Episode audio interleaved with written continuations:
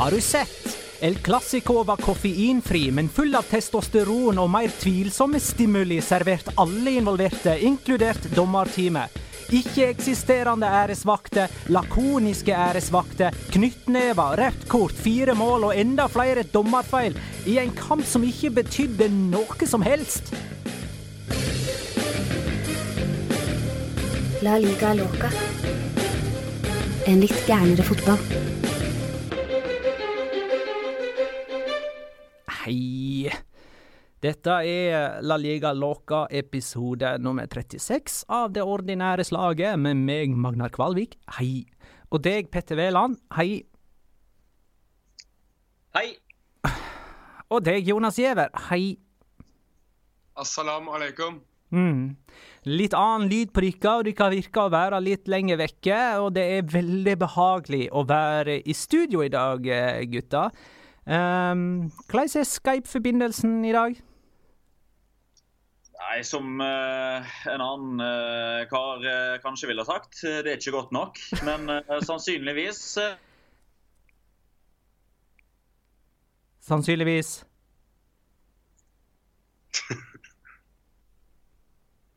Ja, det, jeg, jeg, jeg, jeg tror Petter er morsom, og det fortjener en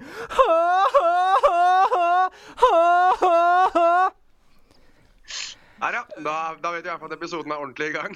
da, da kjører vi. Dere er ikke i studio, for dere er nemlig i Lisboa for å dekke Melodi Grand Prix med blogg og snap. Det er jo eh, Alexander Rybak skal jo i aksjon i andre semifinale på torsdag. Jeg ser bettingselskap rangerer han så høyt som nummer to i den store finalen på lørdag. Hvordan vurderer dere hans sjanser, gutter? Bulgaria ser jo sterk ut.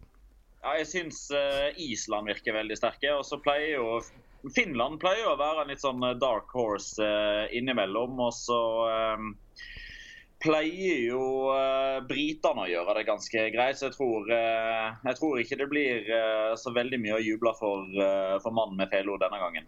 Jeg tror ikke jeg har lyst til å se på mindre epic saxophone guy fra Moldova er med i år også. Så Han er ikke med. ja, setter en knapp på han, jeg. Han er ikke med. Nei, men da, Og, og britene gjør det aldri bra, Petter. Ikke siden 1995. Shine a light. Ja, det, en- ja, 96 tror jeg faktisk det var. Ja, men hvert 22. år, vet du. Hæ? De vinner hvert 22. år. Akkurat. Katarina and the Waves er tilbake da i år. Ja, det blir eh, Katarina and Hæ? Er du vekke på tull, eller for moro skyld nå, Petter? For moro skyld, for det var ikke noe gøy å si. Nei, men jeg tror vi skal la være akkurat den der uh, forbindelseshumoren uh, ligge, for det, det, uh, jeg blir oppriktig bekymra. Dere er Barcelona. Hvordan går det? Ja.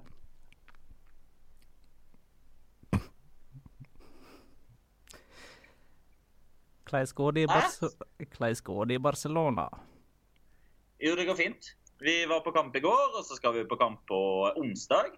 I morgen så har vi vel tenkt oss en tur på espanjoltrening og kanskje um, gjøre litt uh, snacks i forbindelse med Andrés Iniesta, som jo spilte sin siste El Clásico i går. Så eh, det, Kan det er ikke bare spa og joggeturer og tapas her nede.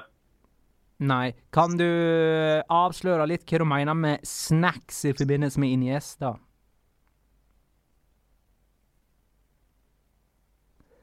Riktig. I denne episoden skal vi snakke om El klassiko. Vi skal snakke om at to Madrid-lag har nådd hver sin eh, europacupfinale. Og så har det funnet sted et par nye avgjørelser i La Liga siden sist vi hadde episode. Skal vi bønne med et klassiko, gutta? Hører dere det? Ja, Greit. Real Madrid klarte ikke å stoppe Barcelonas rekke uten tap. De klarte heller ikke å revansjere 0-3-nederlaget på Santiago og Bernabeu. Eh, skal vi oppsummere det med at det var en, eh, en misbrukt gyllen mulighet for, Barce eh, for Real Madrid, dette? Ja, med tanke på å bli det første laget som, eh, som, skulle slå Barcelona denne sesongen, så misbrukte de jo muligheten fordi de spilte en omgang med én mann mer. Eh, jeg så vel så vidt nå at det var Oppda som hadde en, en statistikk her nå om at de hadde 17 avslutninger på Camp Nou. Det er vel det høyeste antallet de har hatt i løpet av de siste ti årene. Så det forteller jo at de på sett og vis klarte til en viss grad å, å utnytte det faktum at de spilte med én mann mer, men så var det det med å sette ballen i mål nok ganger. Og så glemte de å forsvare seg litt.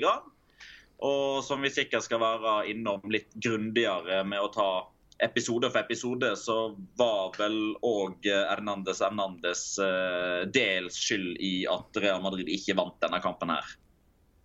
Men det er jo mange som påpeker dagen derpå at uh, man merker liksom ikke at Barcelona mangler en mann. Nei, men Det kan jo kanskje litt å si med at Cristiano Ronaldo forsvant for Real Madrid nesten samtidig, eller vel egentlig samtidig som, som Sergio Roberto forsvant for, for, Barcelona. og jeg tror at Den siste tiden så har Ronaldo vært så banebrytende og så viktig for Real Madrids angrepsspill at uh, uten han så visste de egentlig ikke hva de skulle gjøre for noe offensivt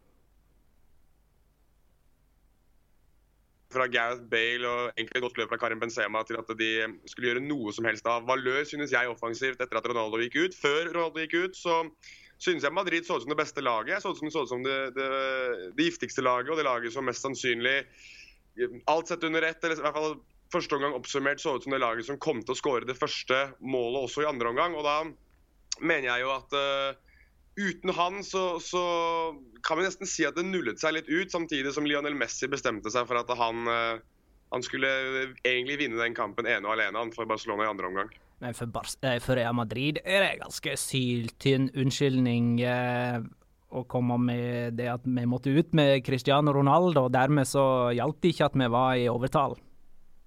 Jeg har ikke hørt noen Real Madrid-representanter si det heller, men altså Nei, jeg syns, nei, men jeg, jeg, jeg syns det er jo ikke det. Altså, Marco Ascencio kommer jo inn og, og har en målgivende pasning, så det Jeg tenker vel at det er å si, en stasjon av som jo gjør eh, grep umiddelbart. altså De tar ut Coutinho og setter inn på Nelson Semedo, som gjør at de fortsetter å ha fire mann bak. og Så blir Messi litt dypere, både med og uten ball. Uh, og så kommer Paulinho inn tror jeg, litt tidligere enn uh, planlagt. altså Iniesta ble tatt ut før, uh, før, timen ble spilt. Jeg tror ikke det var planen i utgangspunktet, men nå er jo fysikken og løpskapasiteten til Iniesta sånn som den er. Det er jo en grunn til at han nå sjøl føler på kroppen at nå nå er det stopp på eh, det absolutte toppnivået. Eh, og Når Paulinho kommer inn, så løper jo han eh, bortimot for to. Samtidig så er det jo ikke noe som helst tvil om at hadde, hadde den andre omgangen blitt spilt på nytt, så tror jeg nok Real Madrid hadde hatt mulighet til å, til å både vinne andre omgangen og dermed kampen. Og ja, ser man litt sånn ut ifra hvordan dommeren hadde innflytelse etter pause. Så kan man selvfølgelig argumentere for at Gareth Bale skulle vært utvist før Sergio Roberto fikk det, fikk det røde kortet. Men sånn som han spilte 11 mot 10 i andre omgangen, så er det jo bare den, de to dommeravgjørelsene unna å faktisk kunne klare det. da, der 2-1 ikke skulle ha stått, og Real Madrid skulle ha straffe på stillinga 2-2. Før vi går inn på det, skal vi ta litt eh, moro hyllest av eh, det som eh, faktisk var pent. Jeg mener, de fire skåringene holder ganske høy eh, klasse, og det er jo òg litt moro at det er noen selv om eh, det først og fremst er Real Madrid som på en måte promoterer seg som Galacticos, så var det jo Galacticos som skåra alle fire mål i går. Det var det. Det var egentlig helt perfekt. Et, et helt riktig bilde på, på El Clásico, den, den, kampen i går, sånn totalt sett. Eh, først og fremst, som du nevner, pga. spillerne som skårer målene. Fordi man snakker alltid om at La Liga er, er ligaen der stjernene ønsker å komme. Barcelona og Madrid selvfølgelig eksponentene for det. Det er 22 verdensstjerner som, som gyver løs på hverandre når det er El Clásico. Og så er det Luis Suárez, som i sin tid vel kosta 75 millioner euro, og som er verdt enda mer nå, som har bøtta inn mål både i Premier League og i La Liga. Eh, Utligninga settes inn av Cristiano Ronaldo, som er mestskårende i Champions League gjennom tidene. I sin tid så var han den dyreste fotballspilleren i verden. Eh, Lionel Messi, som, eh, som noen mener er den beste fotballspilleren gjennom tidene, setter inn 2-1. Han er mestskårende i El Clásico. Og så kommer utligningen igjen da som òg i sin tid var verdens dyreste. Det eneste som mangla sånn sett, var jo at Coutinho skåra mål. I så fall så hadde jo hele, hele hånda vært uh, komplett. Hadde det vært fem fingre i været. Av og til så detter du vekk, men uh, våre lyttere har tålmodighet uh, med oss og vet at lyden kommer tilbake. Og vi fikk resonnementet til Petter i sin fulle helhet. Um, hva var det jeg tenkte på Jakob Berge er det som spør hvordan vil vi rangere dette i klassiker opp mot det beste vi husker? Det kommer til drama og fine skåringer og høy temperatur og, og, intriger over hele banen og en dommer som gjør et par veldig gode avgjørelser, men samtidig blir, blir også husket for de absolutte verste avgjørelsene. Så så jeg rangerer jeg dette som kanskje det aller beste jeg har sett. Jeg kan ikke komme på noe som egentlig har eh, levd opp til forventningene. Så, så, tenker jeg at hvis man skal rangere El Clásico de siste 10-15 årene eh, internt, så tenker jeg at det må ligge i hvert fall en viss spenning i bånn til at man kan ha den på førsteplass. Uh, og selvfølgelig, det er jo ikke det er jo liksom ikke barnemat, det man konkurrerer mot. Altså 2-6 på Bernabeu og 5-0 på Camp Nou er jo kamper som blir stående igjen. Men da hadde man ikke den kampen om poengene. Det var, vel fire Santiago Bernabeu for noen sesonger siden. Men når man liksom tar kombinasjonen resultat, eh, målskårere, hvordan kampen Eh, svinger fram og tilbake. Utvisning, dramatikk, selve dramaturgien, dommeravgjørelsene og sånn. Så, så, tror jeg vel vi må tilbake til, til den perioden i, uh, i, 2012, var det vel, der de møtte Nei, i 2011, der de møttes fire ganger på, uh, på 16 dager eller noe sånt, i både cupfinale og i La Liga og to ganger i Champions League. Jeg tror vi må tilbake til da for, for å liksom finne et lignende, et lignende spetakkel. Og, men selvfølgelig det synd at sånn rent poengmessig så hadde den ikke sånn all verdens betydning. Ja, jeg tror jeg hørte deg si uh, nevne eh, oppgjøret på Santiago Bernabeu i 2014, da Barcelona vant 4-3. Da var uh, det var, det var, den gangen Cristiano Ronaldo ble felt utenfor 16-meter og kasta seg inn i 16-meter og fikk straffe. Det var et dramatisk oppgjør. 2-3 ble det til Barcelona i fjor med den overtidsskåringen. Det er kamper jeg rangerer ganske høyt. Men det er vanskelig å gå så mye lenger tilbake i tid, for det har vært så ufattelig mange kamper mellom disse to lagene de seneste årene at eh, jeg tror jeg har glemt det som skjedde for fem år siden, uh, mens jeg husker derifra og fram til i dag. Hvis ja, ikke har vært uh, Masse minnerike oppgjør. Hvis de ikke fortsatt er med oss. Uh, jeg har lyst til å ta litt om kontroversene. Det har blitt mye diskusjon om uh, videodømming og hva det eventuelt ville ha hatt av betydning i, i denne kampen. Den første kontroversen er vel kanskje om Bale skulle ha hatt rødt kort på takling på Omtiti. Ja, den er klar. Den er soleklar. Det er uh, stempling oppå leggen på Omtiti. Det er rett foran linjemann.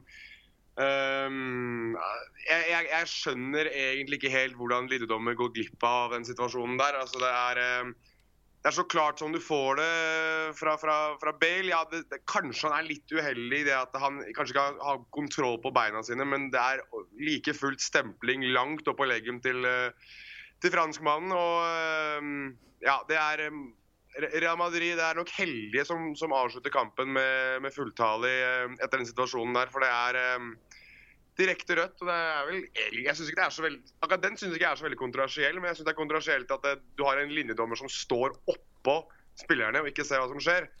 Da mener jeg at det er noe feil med systemet. Så er det noen som, som lurer på fortsatt da liksom hva er det VAR kan ta, hva er det VAR ikke kan ta. Denne her er innenfor uh, disse retningslinjene, innenfor disse fire punktene man får, fordi det er en potensiell rødt kort-situasjon. Uh, jeg tror ikke nødvendigvis spillerne blir stoppa med en gang. Uh, fordi dommer og linjedommer gjør jo i utgangspunktet en vurdering der. For det blir, det blir jo frispark. Titi får jo frispark, men jeg tror hvis man hadde hatt videodommere som hadde sittet i bussen som hadde sett på disse bildene igjen, så hadde de nok jeg, jeg, tør nesten å garantere at de ville ha anbefalt Hernandez Hernandez å, å, å, se den situasjonen på nytt. Og så hadde det blitt opp til han å vurdere om det fortsatt ikke skulle være noe som helst. Eh, om det skulle være gult eller om det skulle være direkte rødt. fordi det er jo det som da må ligge til grunn. da, At man, man har her en formening om at her kan dommeren vise ut en spiller. og Derfor blir det òg en var-situasjon.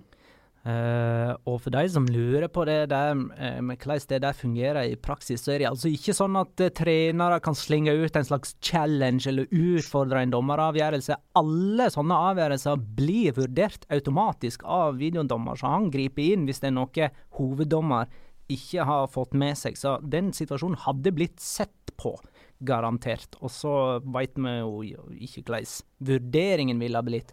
Bale skulle jo hatt gult kort, spør du meg, før den situasjonen der. Så da han endelig fikk sitt gule kort i andre omgang, så burde det i alle fall ha vært hans andre. Det er ganske utrolig at han overlevde 90 minutter. Uh, ja. Den neste situasjonen blir det røde kortet på Sergio Roberto. Ja, igjen, det er vel ganske klart. Det er et slag, da. Det... Uansett hvor han treffer eller ikke treffer, så er det jo, han, han, det er jo tilsiktet slag mot, uh, mot, Marcello, som klarer å egge han på seg og få han forbanna. Og så snur han seg rundt og, og klasker eller slår til, uh, til Marcello. Det ser Hernandez Hernandez som korrekt viser han ut. Så det, um, det er litt slu, en litt slu taktikk, der, taktikk der, av Marcello, men uh, igjen, det er rødt kort åkke som. Slag er slag. Ja, det, det, som var litt vanskelig med bildene, var at vi egentlig aldri kom tett nok på å se hva han traff. Ja, helt eh, enig. Vi var, eh, vi satt, jeg satt jo i studio for, vi for Viasat, og vi var jo i harnisk alle sammen som satt der. At ikke vi fikk noen, noen bedre bilder. Det var vel Daniel Høglund som sa vi har 150 kameraer på stadion, men ingen kan se hvor det der slaget egentlig treffer. Nei, det er jo De kjører det der forstørrelsesglasset sitt, og det er jo bare blurry bilder alt sammen.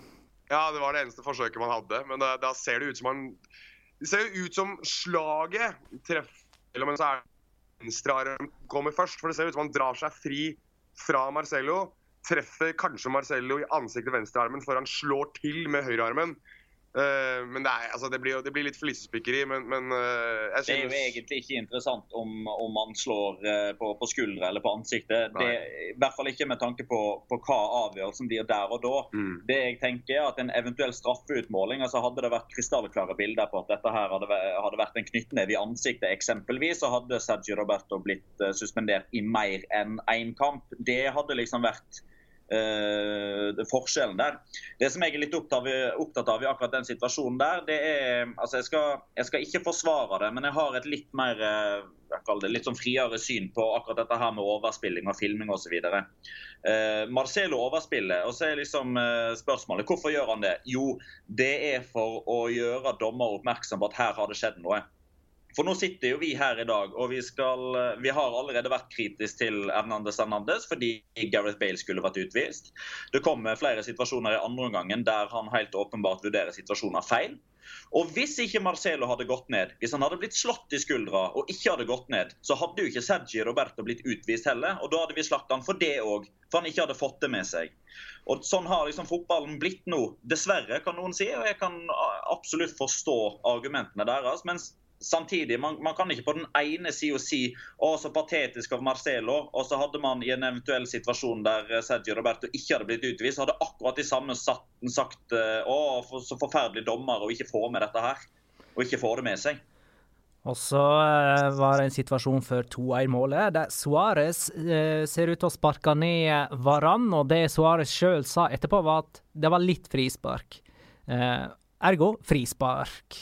Eh, det som var litt interessant der, er at eh, Marka eh, mener å vite at eh, fjerdedommer sier til dommer at det er frispark der, og at eh, Hernandez Hernandez da overhører han.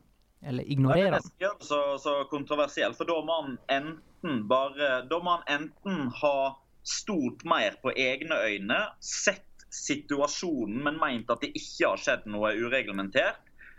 Og det, det kan liksom være det får nå for så vidt være greit. Da er det en skjønnsmessig vurdering. Da vurderer bare situasjonen feil. Jeg tenker Det er langt grovere dersom han tenker at OK, eh, nå har jeg vist ut en spiller for, uh, for, Barcelona. Hvis jeg nå i tillegg annullerer denne skåringa her, så blir jeg satt under enda mer press. Da er det en enda en type avgjørelse mot Barcelona så den, så den, eller, eller, med Real Madrid, så denne her lar jeg gå. Hvis det er en sånn type vurdering, at han på mange måter både ser det sjøl og får beskjed av fjerdedom at her er det et frispark, men han aktivt velger å ikke blåse fordi han ikke ville ha Camp Nou-publikummet på ryggen, da kan vi begynne å snakke om skandale. Mm. Det Vebjørn Nyvold spør oss for øvrig eh, om hoveddommer kan ignorere assistentdommerne eh, sine beskjeder, f.eks. hvis de sier at det er rødt kort eller frispark og sånne ting. Da, og, svaret på det er ja.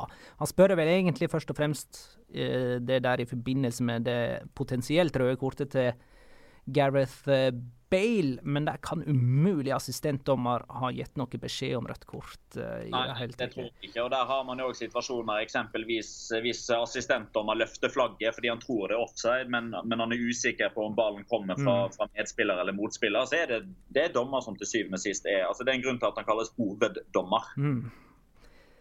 Uh, en gang til om at eh, hei, eh, her, her, må du se nærmere på situasjonen. Her mener vi at det er rødt, eller her har du mulighet til å gi et rødt, eller her bør det bli gitt rødt, etc. Så er det dommeren som til syvende og sist bestemmer om, om han gjør det eller ikke. Mm.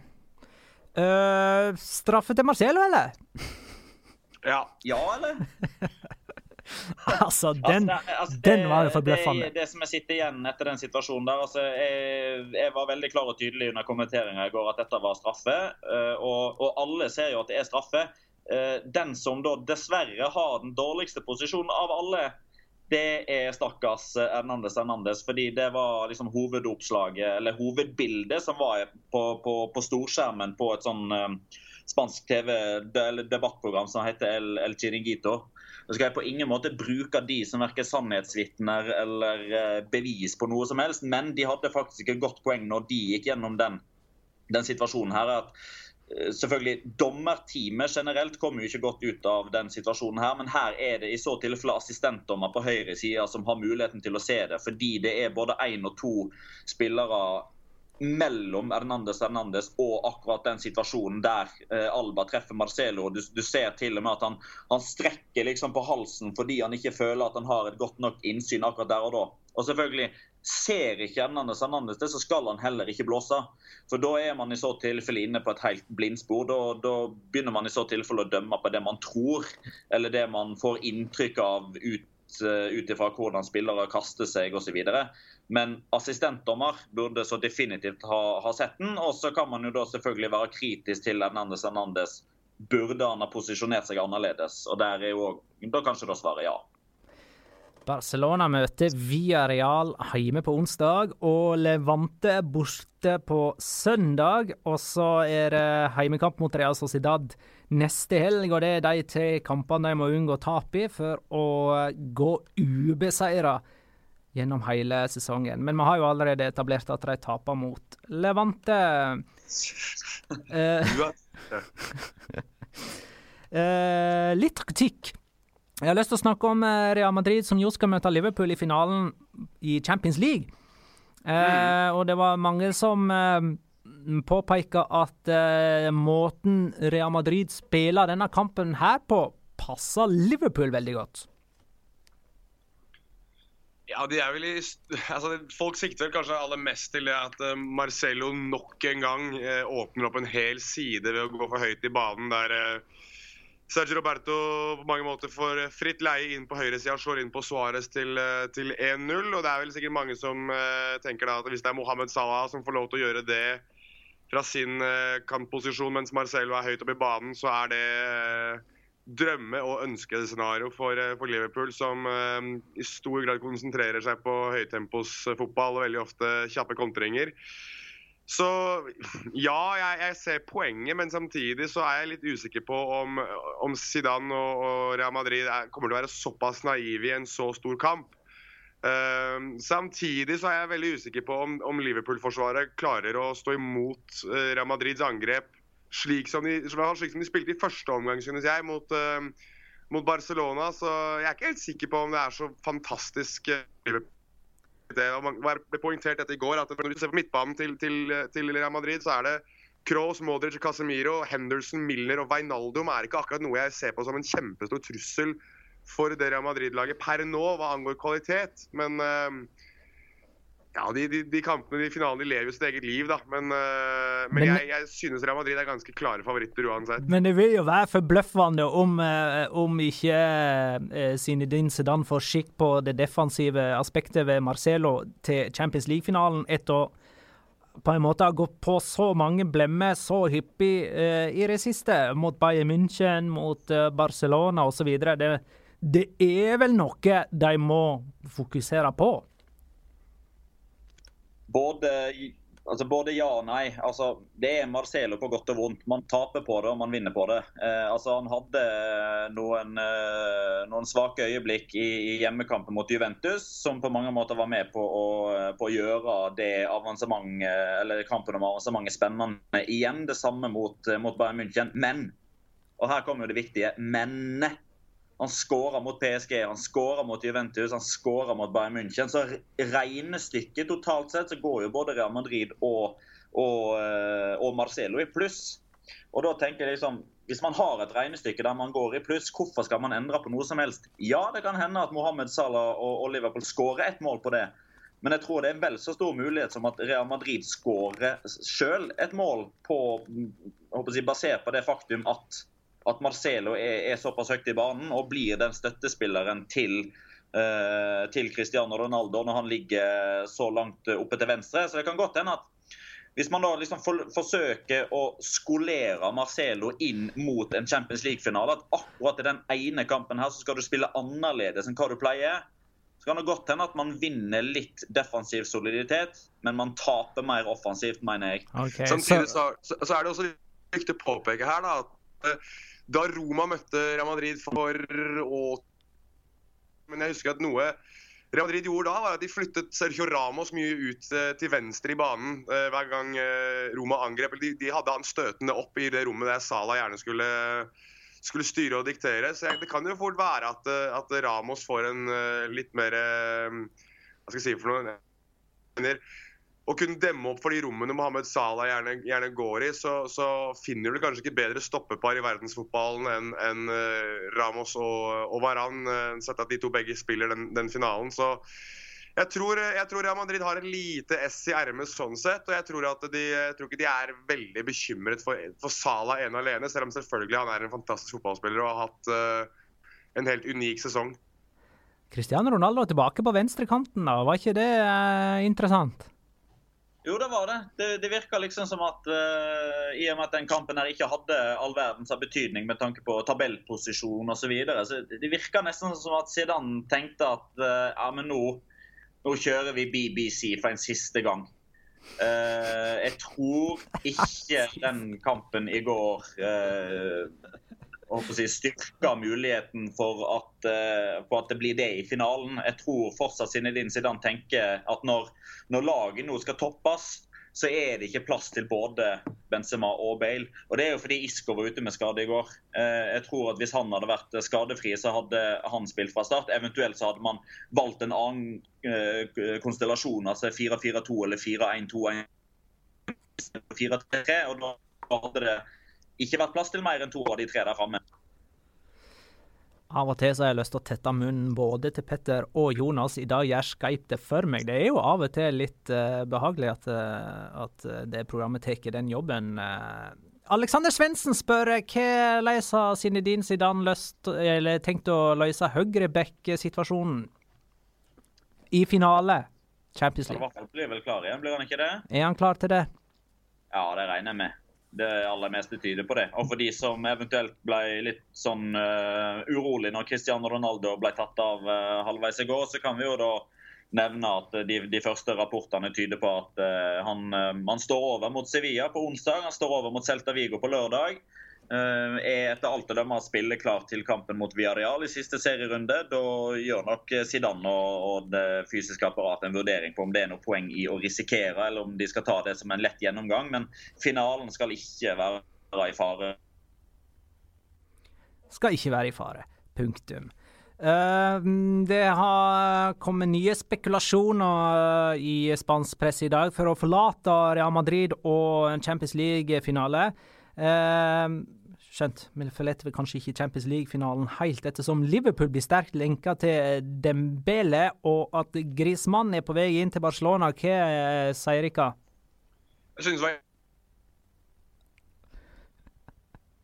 da El Clásico skulle spilles. At uh, Bjørn, en gang, en gang til, Jonas. Bjørn, en gang til.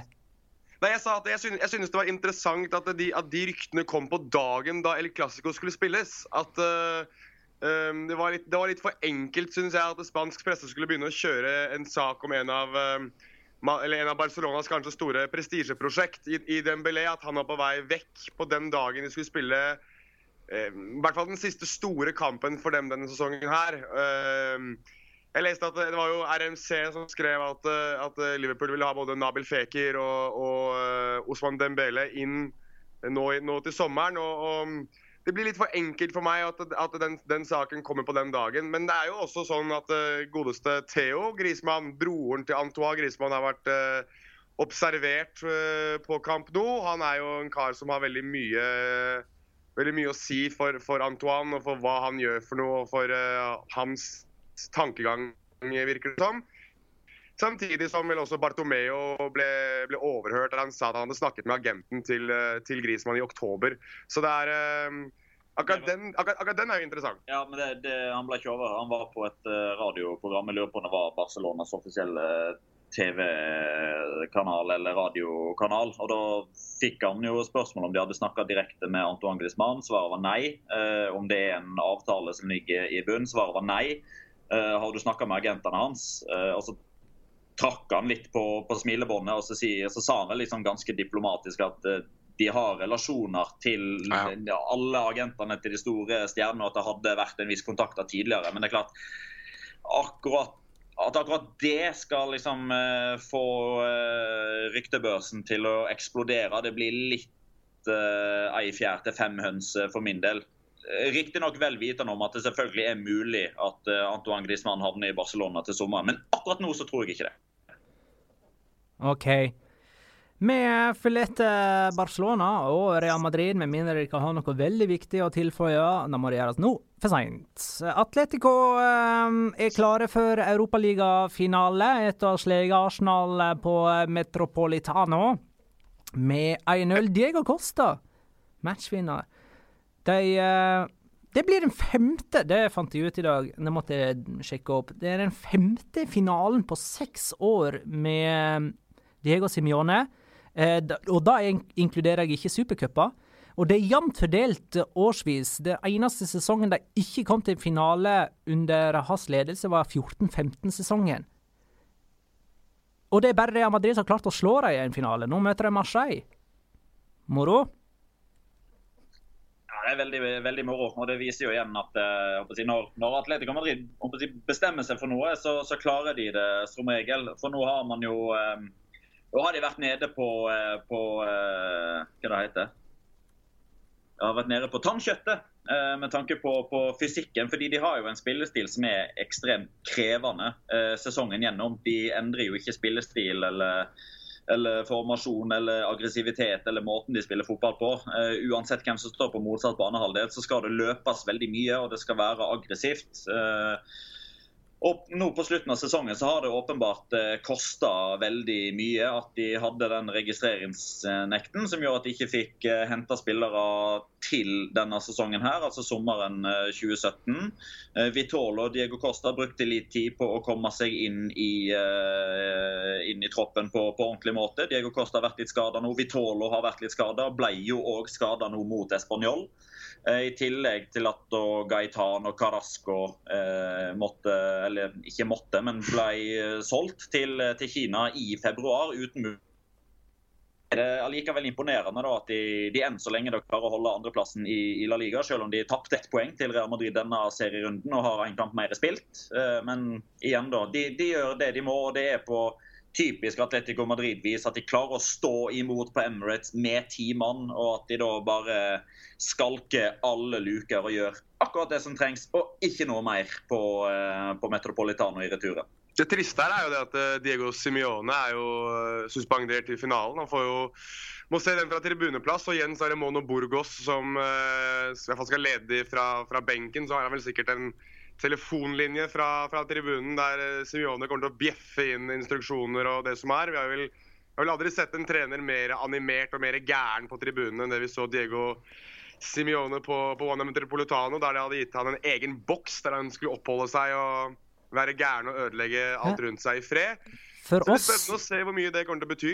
For oss uh, nøytrale så er det egentlig ikke trist at han er der. For uh, en enda mer animert utgave av Simione, det er jo bare stor underholdning. Og han, uh, han er jo i enda mer fri utfoldelse når han er på tribuner enn på sidelinja. De tapte altså 2-0 hjemme mot Español, som er på en måte av en eller annen merkelig grunn laget som feller Atletico for første gang i seriesammenheng på Metropolitano, og var det første som felte dem i bortesammenheng òg for Atletico sin del, rett før jul. Slags eh, Español-kompleks på Atletico Madrid. Eh, ja, og den klarte jo å slå Det var jo det første laget som slo eh, Barcelona denne sesongen òg, og man ser i, i august. Ja. Eh, jeg fikk ikke helt med meg det siste du sa, men eh, jeg har jo hatt denne teorien om en katalansk konspirasjon gjennom hele sesongen, og den eh, står ved lag. Um, kommer, Jonas, kommer Atletico nå til å gi fra seg andreplassen til Real Madrid? det er et godt spørsmål. Nå er det jo tre poeng opp og Målforskjellen er vel i favør eh, Real Madrid. Og den hengekampen er Sevilla. Eh, og det er vel Sevilla borte i tillegg òg. Så det De har jo kanskje fått en liten ny vår nå under Caparros og skal uh, har vel fortsatt muligheten til å Teoretisk i hvert fall muligheten til å ta seg opp på, på Europaligaen. Jeg tror ikke de klarer det. Men altså, så lenge de har noe å kjempe for, så, så blir det jo vanskelig å spille kamp på Ramón Sánchez Pizjuan. Og da Nei, jeg, jeg, jeg, tror faktisk at Atletico Madrid uh, tar den andreplassen. Jeg. jeg tror uh, Real Madrid uh, må nøye seg med tredjeplass, men det tror jeg ikke bryr dem så veldig mye hvis de tar den tittelen i, i, Kiev. Madrid kan bli den første byen på det, jeg tror det blir 24 år som har både Europaliga, skråstrek Uefa Cup, og Champions League i en og samme sesong. Inter og Milan klarte det i 93-94, eh, mener jeg det var. Eh, da var det Inter som vant Uefa-cupen. Hadde ikke de tre muligheter da? si? Det var jo cupvinnercupen. Det var cupvinnercup den gangen, men uh, har vi tredje lag fra Milano som kunne ta den? Nei, men uh, poenget mitt var at hvis det var cupvinnercupen uh, i 93-94, det var det vel, så vidt jeg husker, så tok de jo to av tre. Så de tok, ja, ja. Liksom, de, de tok ikke store slem, de tok ikke alt. Tok ikke 100 Det gjorde ikke de. Uh, det kan jo Madrid gjøre nå, da. ja, man tok jo VM for klubblag og Supercopa i tillegg, så. Ja, ja. Det er store slem. Men ikke Liga. Ikke Copa del Rey heller. Det gikk til Catalonia. Mm, stemmer det. Eh, men apropos Sevilla, de slo eh, Real Sociedad 1-0 etter straffeskåring av Banega på den offisielle engelske Twitter-kontoen deres altså store 'The streak is over'. Da har de gått ni offisielle kamper på rad uten seier, før de endelig tok en trepoenger under ledelse av eh, Michael Keaton, aka Batman, som òg ter seg nesten som Emeri på sidelinja. Jeg tenker på Joaquin Caparros. Ett poeng bak Chetaffe nå Sevilla, med én kamp til gode. Hjemme mot Real Madrid onsdag. Hva kan vi forvente av Sevilla der? Der kan vi forvente mye av det samme som man eh, etter mitt syn dessverre fikk litt for mye av på, eh, på fredag. Fordi syns altså For første gang på ganske lenge så syns jeg det var kjedelig å kommentere Sevilla. Eh, altså Det er jo ikke tilfeldig at i den første kampen med Caparos så noterer de seg for sin bunnnotering gjennom hele sesongen i alle turneringer med tanke på antall pasninger og, og, og, antall involveringer. Eh, altså, det altså du, du, forklarte det veldig fint sjøl, eh, Magna, på, på, Twitter. Med, jeg husker ikke hvem som spurte, men du svarte at det blir løping og det blir kjemping. og altså hadde, Kap, hadde Kaparots uh, snakka norsk, så hadde han snakka om mer tempo og ball i lengderetning i pausen, sånn som alle norske fotballtrenere snakker om. Altså, det er det blir så A, B, C. Han skal lære dem å spille fotball. Han skal lære dem å, å slå støttepasninger og, og, sånne type ting. Og det, det, er sikkert det Sevilla trenger akkurat nå, i akkurat den perioden de er inne i. Men gud forby at den mannen der får en lengre kontrakt enn den måneden han har fått akkurat nå, altså. Uh, han var Atletic-trener i mange år, Caparos, og med ganske gode resultat. Men Atletic-fans, og antagelig muligens òg spillere, gikk lei av den kyniske stilen under hans ledelse. Og prisa så lykkelig da Marcelo Bielsa kom og tok over i stedet, for da ble det litt mer sprut i spillestilen, for så vidt òg på benken. Um, ting Snakk om dag, for øvrig. Hæ? Man får sagt det. Snakk om natt og dag fra Joaquin Caparós til Marcelo Bielsa. Vi har vel aldri sett noen større, noen større sprik i måten du, du, trener fotball på. Den ene er en sånn slags metodisk, uh, kjedelig back to basics-trener, uh, mens den andre er ja, hva skal vi si for noe? Kule og krutt og heavy metal og filosofi og Innovativ, ja. Mm. Innovativ, ja. Så det er bare en, en digresjon på sida her. Ja, uh, og apropos, det er jo litt natt og dag på Sevilla sammenligna med denne tiden i fjor, da de hadde San Pauli, som jo òg uh, står litt mer, nærmere Bielsa fotballfilosofisk, da. Mm. Uh, apropos Atletic, de slo Real Betis 2-0. endelig skåra Monjain. dette har jeg etterlyst en stund. Adoris skåra òg. det var jo et resultat som medførte at Valencia sikra seg Champions League-plass. Sånn at uh, de trengte ikke å slå Villarreal uh, på uh, Hva heter La Ceramica. Uh, og det gjorde ja. ikke de heller. Mario Gaspar ble matchvinner for Villarreal mot, mot gamletreneren sin Marcelino, da. men det er jo greit. Da er jo de plassene avgjort. Lasse spør Betis i årets kjæledegge. Hva er realistisk å vente seg neste år? Blir de storebror i byen, altså i Sevilla, noen år framover? Ja, altså de, de, har lagt et fint grunnlag nå, det syns jeg. Altså det starta liksom med det at de, at de bygde si, klubb først. Altså Betis har alltid vært storebror i Sevilla med tanke på fanbase. Og, og historisk sett òg så var jo de altså De uh, vant jo La Liga før Sevilla og har jo liksom i hvert fall fram til de siste ti årene har blitt sett på som en storebror. Og så har Sevilla hatt sin beste sportslige periode nå med, med fem uh, Uefa-cup og Europa League-trofeer. Men sånn tradisjonelt sett også er liksom Betis det jeg vil kalle en, en litt sånn sovende gigant. Så bytta de litt eh, presidenter her og fikk renska opp i økonomien. Har fått eh, renovert eh, Benito Villamarin, som gjør at den ser helt smashing ut. og Det har vært med på å, på å få folk til å bli, bli, glad i å gå på kamp igjen. Samtidig så de har truffet blink med den spillestilen som, som Kikiset igjen har hatt, som har variert fra å, si, å være de første fem-seks månedene av sesongen. En sånn type gung-ho-taktikk som gjorde at man alltid de gode resultater. Og så plutselig så kom Mark Bartra inn, og så ble de jo bortimot vaksinert mot å slippe inn mål. Eh, og Det er jo først og fremst hans inntreden som jeg syns har vært helt avgjørende for at Betis har hatt de gode resultatene som de har hatt nå de siste tre-fire månedene. Der, der Kikiset igjen valgte å gå tilbake til tre mann bak, med Bartra Mandi og, eh, og Jordi Amat. Med, med to wingbacker, tre defensive midtbanespillere med Fabian Ruiz som en litt sånn kreativ en sånn blanding av Saul og Busquets-type. Og så to, to, gode offensive spillere som, som, har klart å gjøre veldig mye der framme alene, deriblant uh, Loren Moron.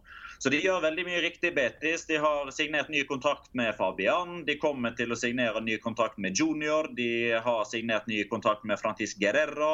Eh, Joaquin har signert ny eh, kontrakt. De har tilsynelatende allerede gjort en god jobb med tanke på neste sesong. Det snakkes om Paul Lopez, det snakkes om Sergio Canales, det snakkes om Takashi Inoui, som allerede skal være mer eller mindre klare. Alle kommer gratis. Eh, de har en sterk økonomi nå, omsider. De får et enda større jafs av TV-avtalen nå, fordi de gjør det bedre sport for en av den TV kamper på gratis-TV, som gjør at de får færre, eh, flere seere. Og, og, I tillegg så får de nå da ekstra inntekter med, med, spill i Europa League, der de går rett inn i gruppespillet. De trenger ikke bekymre seg for kvalifisering og player for at de skal så jeg syns det er mye som, som, ser lovende ut. Men samtidig så har man jo et, eh, et overgangsvindu som kommer. Der vet man aldri hva som skjer. Plutselig så kommer det et kanonbud på Fabian som gjør at de er nødt til å selge han. Plutselig så kommer det et kanonbud på Mark Bartra som gjør at han velger å forlate dem med en gang. Eh, plutselig så, eh, så, så treffer de ikke på, på, noen signeringer som gjør at troppen og troppssammensetninga plutselig er dårligere enn hva den har vært denne sesongen. Men, men de har lagt et grunnlag som er, som er veldig spennende å følge videre. Kan du ta... Jeg tror, jeg tror det, mest, det, mest, interessante der er vel, er vel, forventningene som kommer til neste år. Altså, hva, hva, vi har vel kanskje ikke forventet så mye av, uh, av Betis i år, men mener, når de leverer så bra som de har gjort, og kanskje litt over forventningene denne sesongen, her, så blir det jo en helt annen historie til neste sesong. Klarer de å leve opp til det? Klarer de å slå, slå tilbake de som uh, Eller vise, vise, for de som kommer til å tro på dem da, neste sesong at det er verdt å tro på dem? Det er vel det er vel der skoen trykker i, i stor grad, uh, i hvert fall for min, for min, del, hvis jeg skal se alt sett under ett nå. Ja, øh, selvfølgelig så kom, kommer overgangsvinduet til å være viktig. Ja, sesongåpning kommer til å være viktig. Men, men det er først og fremst forventningene, og forventningene til, uh, til, en klubb som er så stor og har så mye historie, som, som blir utslagsgivende, mener jeg. og de, de, har fundamentet, men, men, så spørs det på det mentale. og Det spørs også på Kikkesett igjen, også, som nå for første gang kommer til å måtte trene et lag som skal ut i Europa, og som, eh, og som kommer til å ha mye mye mer forventninger i, i en fotballgal by som, eh, som, er det Sevilla er. En fotballgal by. Real Betis eh, gjorde seg altså klare for eh, Europaligaen med seier mot Malaga forrige mandag. Det var jo rett etter at vi hadde vært i studio i den episoden. Eh, så eh, det ble en eh, sein mandagskveldsfeiring for Real Betis eh, med en ganske følelseslada Kikke Setien den kvelden. Um, tilbake til denne helga. Celta Vigo Deportivo 1-1 i det galisiske derby. Den uh, det havna jo litt i skyggen av ting, den kampen der, ettersom han ikke betydde så veldig mye. Uh, Deportivo allerede rykka ned. Celta Vigo har på en måte meldt seg litt ut av den europaligakampen. Eh, og nå eh, er det jo helt eh, bekmørkt da, etter det poengtapet. men På en måte at de har meldt seg ut. De, de har meldt seg ut. Ja, de hadde på en måte allerede gjort det før den kampen, og i alle fall nå, da. det er noe med Onsoe og, og enda mer trøbbel med Emre Mår. Ja, det var vel i begynnelsen av april at det kom fram at Emre Maud hadde kommet for seint til, til, til, trening en eller to ganger. Da beklagde han og lova at noe sånt eh, aldri skulle skje igjen. Ehm, så får jo ehm, skal ikke jeg være noen dommer for hva som er noe sånt. Han har ikke kommet for seint til trening igjen, men eh, han ble visst offer for en, en takling på, eh, på, trening tidlig i forrige uke og reagerte på en måte som ikke har blitt det har ikke blitt beskrevet på noe som helst måte, annet enn at det var på en måte som ikke var akseptert, eller som ikke var akseptabel. Eh, så da valgte Onsoe å vise han bort fra treninga. Han var ikke på treninga dagen etterpå, og var ikke i troppen I situasjon. det der, fordi Emre Mår er jo en spiller som på sitt beste er eh, strålende og veldig spennende. Og Celta Vigo la veldig mye penger til Celta Vigo-å i, eh, i potten for å for å få tak i Emre Mår. Han koster vel noe sånn som 13-14, kanskje 15 millioner euro. Og for Celta Vigo så er det masse.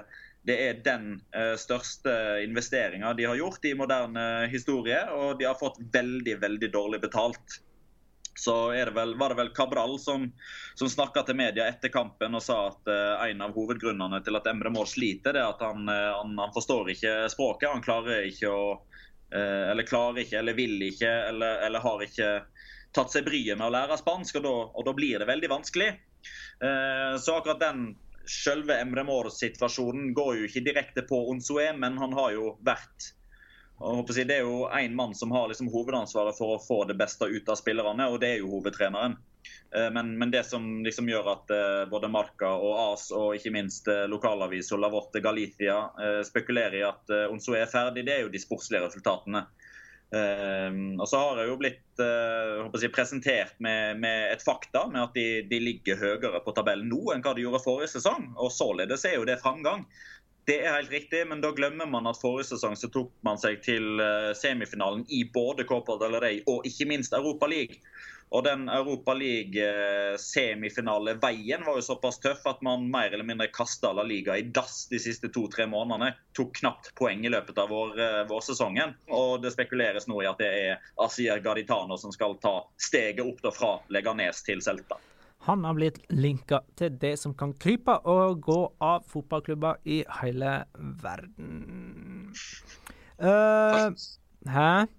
Han tar vel over Arsenal til slutt, sier jeg. jo, men uh, hei. Uh, jeg lurer på om vi skal bare ta kjapt noen uh, lytterspørsmål.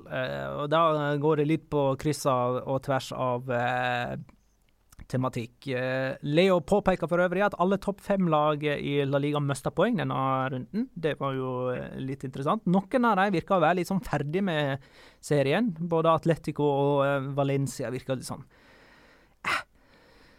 så der i forhold til seriespill om dagen. Fredrik Bjørni spør om jeg tror Gareth Bale kommer til å starte Champions League-finalen. Jeg tror ikke det. Nei. Jeg tror ikke det heller. Og det var vi litt inne på tidligere i, i episoden her at Når Isco er tilbake igjen og når den Champions League-finalen skal spille, så tror jeg ikke det er plass til både Bale, Benzema og Cristiano Ronaldo. Cristiano Ronaldo er selvskreven førstemann på, på blokka. og Så syns jeg Karim Benzema har levert bedre enn Bale nå de siste to-tre kampene. Det er helt korrekt at det var Gareth Bale som sikra Real Madrid ett poeng i går. Meget meget fin skåring. Men han skulle jo egentlig ikke ha skåra det målet, for han skulle vært utvist eh, tidligere. Eh, Benzema var den store avgjørende spilleren mot Bayern München når han skåra de to målene. Og så er det òg det det, det, Benzema gir eh, Real Madrid-kollektivet, det er mer enn det eh, Bale gir. Altså, Cristiano Ronaldo sin beste venn på banen er én eh, Marcelo, to Benzema. Sånn, sånn, er det bare. og Det har han gjort, har han liksom gjort uttrykk for, eh, for tidligere òg, spesielt med denne gesten tidligere i sesongen der han eh, ba Bernabeu-publikummet om å veldig på han og sa at eh, liksom, han er grunnen til at jeg skårer mål. og det det vipper det i Benzema sin favør for min del, tror jeg. Ja, det var Cristiano Ronaldo som sa det? Ja. Ja, riktig. Um, ja, Martin Hellerud eh, med flere spør uh, om, uh, om jeg har tanker rundt situasjonen mellom Piquet og Nacho i spillertunnelen. det jeg lurer på, veit vi noe mer om hva greia der var? vi så Piquet si et eller annet til Nacho i pausen når de var på vei tilbake igjen på banen. Og Nacho ble åpenbart sånn skikkelig sur. Eh, og jeg veit ikke om det hadde noe med utvisningen på Sergi Roberto å gjøre, men uh, har det ikke vært noe? Nei, ikke noe annet enn at uh, man, man, fikk jo åpenbart med seg hva som, hva som ble sagt. Altså, han, han, la jo ikke skjul på det, Piquet. Altså, han prøver liksom å holde holde eh, fingrene foran munnen for at leppelesere ikke skal eh, klare å se hva som blir sagt. Men problemet til Piquet er at det er masse mikrofoner inne i spillertunnelen som, som plukker opp eh, hva, han, hva, han, sa. Og så er Jonas veldig opptatt av å poengtere at jeg snakker spansk, men jeg mener at han snakker bedre. Så skal du få lov til å både forklare og tegne, Jonas. Uh, ja, nei, jeg Petter fant fram en artikkel her nå om hva som skal bli sagt. Vet du ikke at vi vinner ligaer med mange, med mange poeng i fordel? Uh, og at det ikke er umulig? Um, skal jeg ha sagt det ironisk bort til, til Nacho, da, som ikke skal ha vært så veldig fornøyd med det. og egentlig har kommet med en sånn litt sånn Hva det betyr egentlig? Det der skjønte ikke. Er det sånn hovering, eller hva? Hva sa du, Magnar? Nei, jeg, skjønte, ikke eh, hva det skulle bety, den kommentaren i så fall, hvis det var uh, riktig fanga opp uh, Mulig å vinne med mange poeng, var det det han sa? Ja, med mange poeng Altså um, Vinne mange poeng lenge før serien er over, det er slik jeg forstår det. Så, ok, Så det er liksom arrogant hovering-type ting? Ja, det, det er så mange poeng i forsprang på Real Madrid. da, ikke sant? At det er ikke, det er ikke, det er ikke han, han, skulle egentlig bare gni det litt ekstra inn sånn, mm uh, for, uh, for, Nacho og sikkert også for et par andre Real Madrid-spillere som står der. Um, det, det, Nacho responderer med, er vel egentlig en sånn der god gammeldags håndgest. Sånn åh, kom deg vekk-opplegg. eller hvorfor, hvorfor, gjør du sånn som det her? Men eh, det er jo det er veldig vanlig av Gerard Piquet å holde på sånn. Han er jo glad i å fyre opp. Både han og og Sergio Ramos på hver sin side er jo typiske hypemen i forhold til eh, rivaleriet mellom, uh, mellom disse to klubbene her. Så det, det, er vel ikke så overraskende, men jeg, jeg, tror, jeg tror, egentlig det bare var en sånn kommentar som skulle gjøre, gjøre, mest mulig for å irritere Real Madrid-spillerne, og da spesielt Nacho. Mm. Uh, ja, jeg vet ikke hvem som fyrer mest opp i de to uh, leirene, men jeg blir like imponert hver gang de uh, klarer å gi hverandre klemmer og framstå som bestevenner rett etter kampen. Og det er vel kanskje noe de må òg, skal de kunne holde sammen i VM-leiren. Og dette har de klart i mange år. det der er litt fascinerende. Ellers, Johannes Alin påpeker at Thomas Partey har spilt alle fem seriekampene Atletico har tapt. Med andre ord, Thomas Partey, no Partey. Hey, nå har vi lært oss en ny regel der, gutta. Skal vi ta litt Locora her? Ja, tommel opp. Tommel opp der, ja. Jeg vet ikke om eh, det er ja, det er, en, det er en tommel opp på ordspillet. Jeg vet ikke om det har så veldig mye eh, Jeg tror ikke det er noe sånn at Thomas Partey plutselig har blitt uh, en, en årsak til at at Atletico Madrid uh, plutselig skulle begynne å tape fotballkamper. Det, det, det, Statistikken ligger ikke Når du skal begynne å bli rasjonell, Petter, da detter du ut. Da vil ikke Skype uh, høre på. Uh, nå er det tid for uh, Locora. Ukens La Liga Locora. Locora. Locora. Locora. La Liga Locura. Hæ? Nei da, nå bare tuller jeg. er det noen som har lyst til å begynne? Ja, jeg kan begynne. Ja, gjør det, da. Ja, det om Las Palmas og Retafe. Det ble spilt rett før El Clásico, så jeg forstår at det ikke var så veldig mye eh, føss rundt den kampen. Men da skal vi egentlig til eh, lagoppstillinga og innbytterbenken til, eh, til Retafe. Fordi i oppgjøret mot Girona forrige helg så klarte jo Retafe å få halve startelveren sin suspendert. Både Damian Suárez, Francisco Molinero, eh, Sergio Mora eh, og to andre ble eh, suspendert. Mathieu Flamini måtte ut med, med skade. Så de reiste jo til Las Palmas med spillere som hadde drakt nummer 26, 28, 31, 34, 36, 37 og 38. Og altså da i serierunde nummer 36, der Retafe da spiller om eh, poeng som kan hjelpe dem ut i Europa, så har de fire La Liga-debutanter på banen. Det syns jeg er ganske strengt. Mm, og alle som har spillernummer over 25, er B-lagsspillere, for de som ikke er klar over det. Jonas? Ja, jeg, eh, jeg, har jo hatt eh, min evige kamp mot eh, to spillere denne sesongen. her, og Den ene er jo som kjent Norden Amrabat. Han spiller i kveld, altså mandag kveld mot Levante. Men den andre er også vår tidligere venn, vår tidligere podkastvenn Inigo Martinez. Han spilte jo kamp igjen for Atletic mot Real Betis. Og der, mine damer og herrer, der vant Atletic 2-0. Legg merke til det siste tallet der. Null. Atletic vinner uten å slippe inn mål, og det er vel andre gangen denne sesongen, var det vel? Vi fant ut at det er eh, holdt nullen både for Real Sociedad og, og, og Atletic denne sesongen her.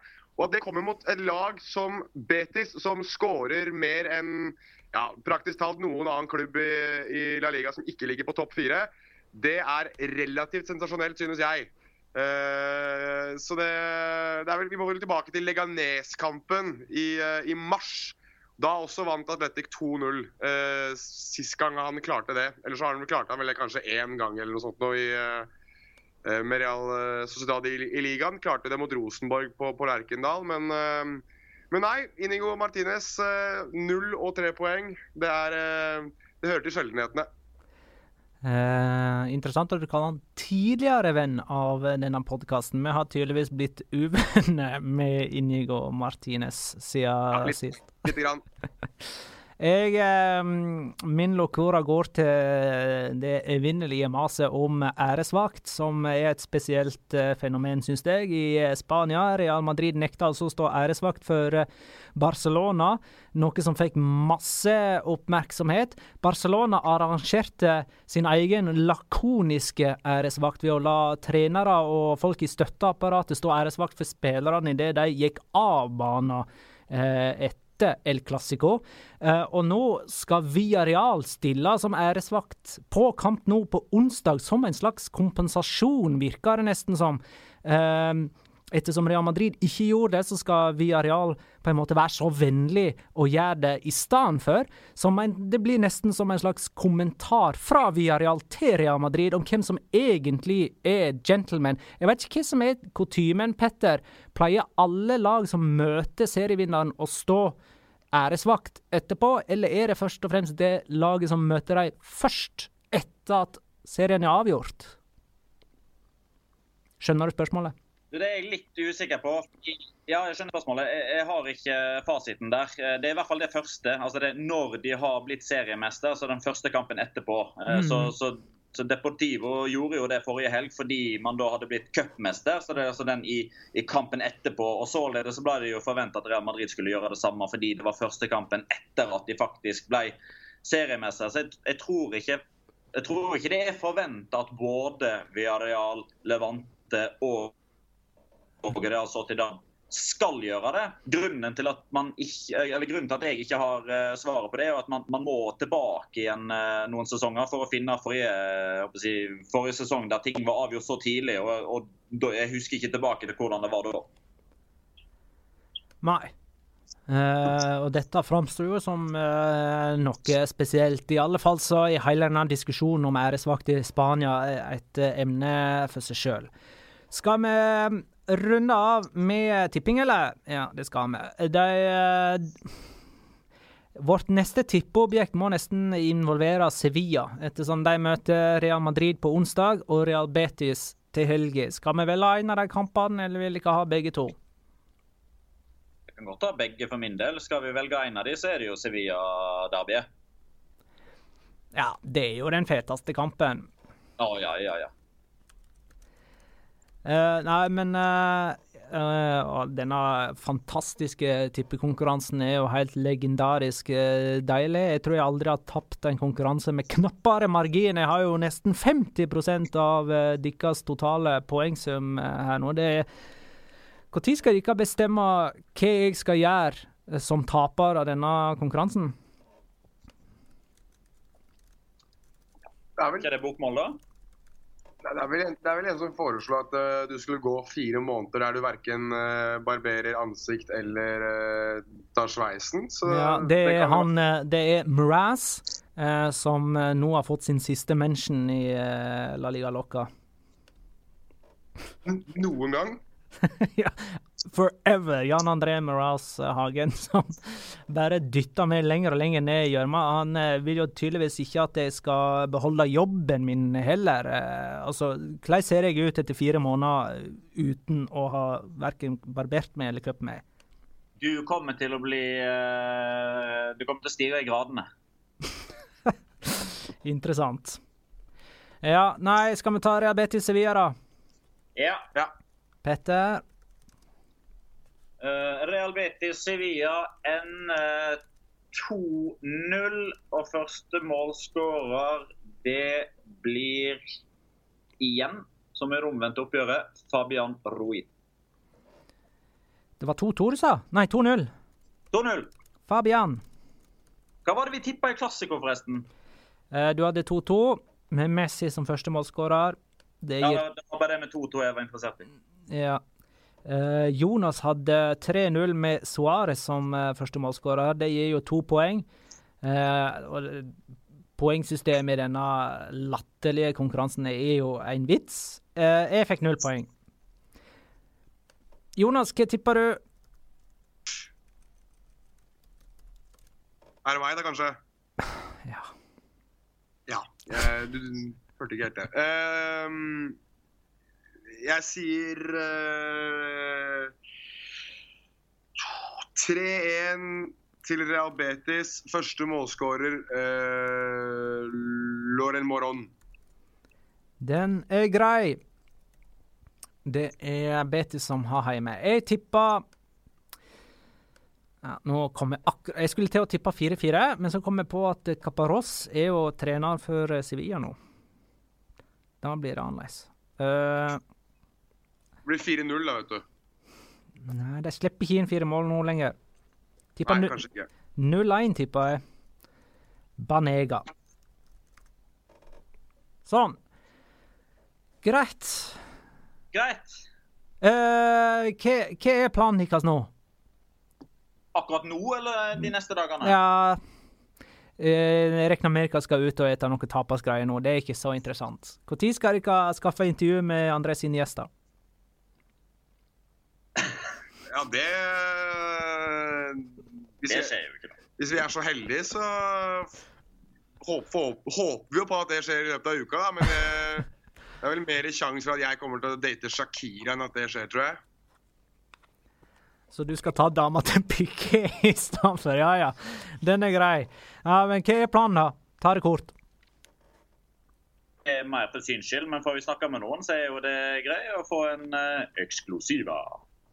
Og så skal vi eh, prøve å få fatt i noen av de som har dekka Barcelona over lang tid her nede. Kanskje noen som jobber i sport eller Mondo Deportivo. Vi har ikke, vi har ikke lagt planen eh, helt ennå, fordi etter å ha vært på jobbreise i Spania mange ganger, så blir det som regel aldri til at den planen vi legger, er det vi gjennomfører til slutt. Så vi har et litt mer eh, åpent syn på ting nå og tar ting som det kommer. Gode ting. Eh, Kos dere. Dere skal de, onsdag kveld, da. Ja. Og så skal vi på kamp, da. Ja. Barcelona via Real. Nemlig. Kos dere på kamp nå. Og i eh, Barcelona Nei, det er ikke kamp nå. Det er på onsdag. Øy, du er altså så morsom at nå får ikke du en Alex eh, Askeladden-latter engang. Eh, jeg vil takke alle lytterne som var tålmodige nok uh, til å holde ut hele denne episoden eh, med oss. Det er sterkt. Og så vil jeg takke for alle bidrag. Takk for at du lytta, kjære lytter. Ha det, da.